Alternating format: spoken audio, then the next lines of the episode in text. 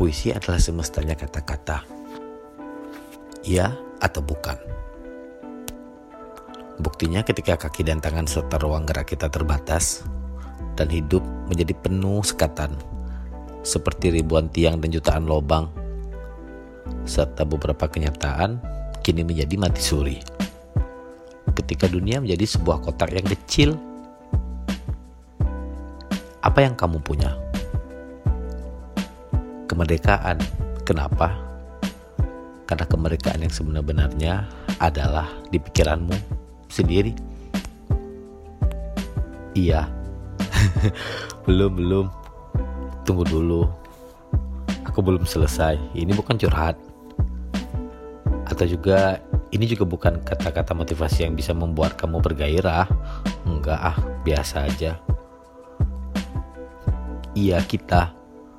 Iya karena kita bukan nabi yang bisa bersabda, jadi berpuisilah. Iya kan? Kalau kamu gak suka puisi ya udah nggak apa-apa, bicara aja suka-suka kamu. Apa pun. Ya, yang tentang yang kamu rasa di depan kamu, yang kamu bayangkan, halu kamu, apa aja lah. Nah, semua itu adalah bentuk ekspresi yang bisa kamu nyatakan melalui kata-kata. Itu tadi kenapa aku bilang puisi adalah semestanya kata-kata. Tapi puisi itu kan bebas puisi tidak terbatas. Orang-orang gak boleh menghadip. Benar kan? Ya iyalah.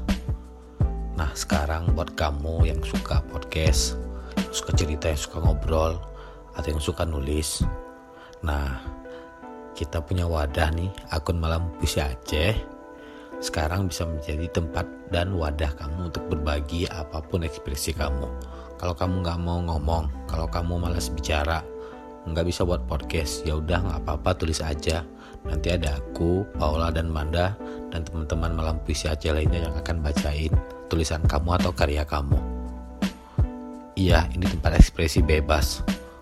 Apa pun lah juga kamu bahkan boleh sharing kentut kamu di sini ya tapi jangan karena kentut juga bisa menyebabkan corona kok jadi bahas kentut sih ya malam puisi Aceh tempatnya kalian bisa kirimin podcast kalian ke aku, ke Paula dan ke Manda dan teman-teman Malam Puisi Aceh lainnya. Infonya bisa kalian dapetin di Instagram @malampuisiaceh. Ya, ini adalah tempat berbagi ya. Kamu boleh ngomong apa pun. Juga yang pengen ungkapkan segala macam ekspresi, boleh. Malas ngomong, tulis aja. Iya iya, dan podcast ini juga akan kita upload sebanyak dua kali dalam seminggu.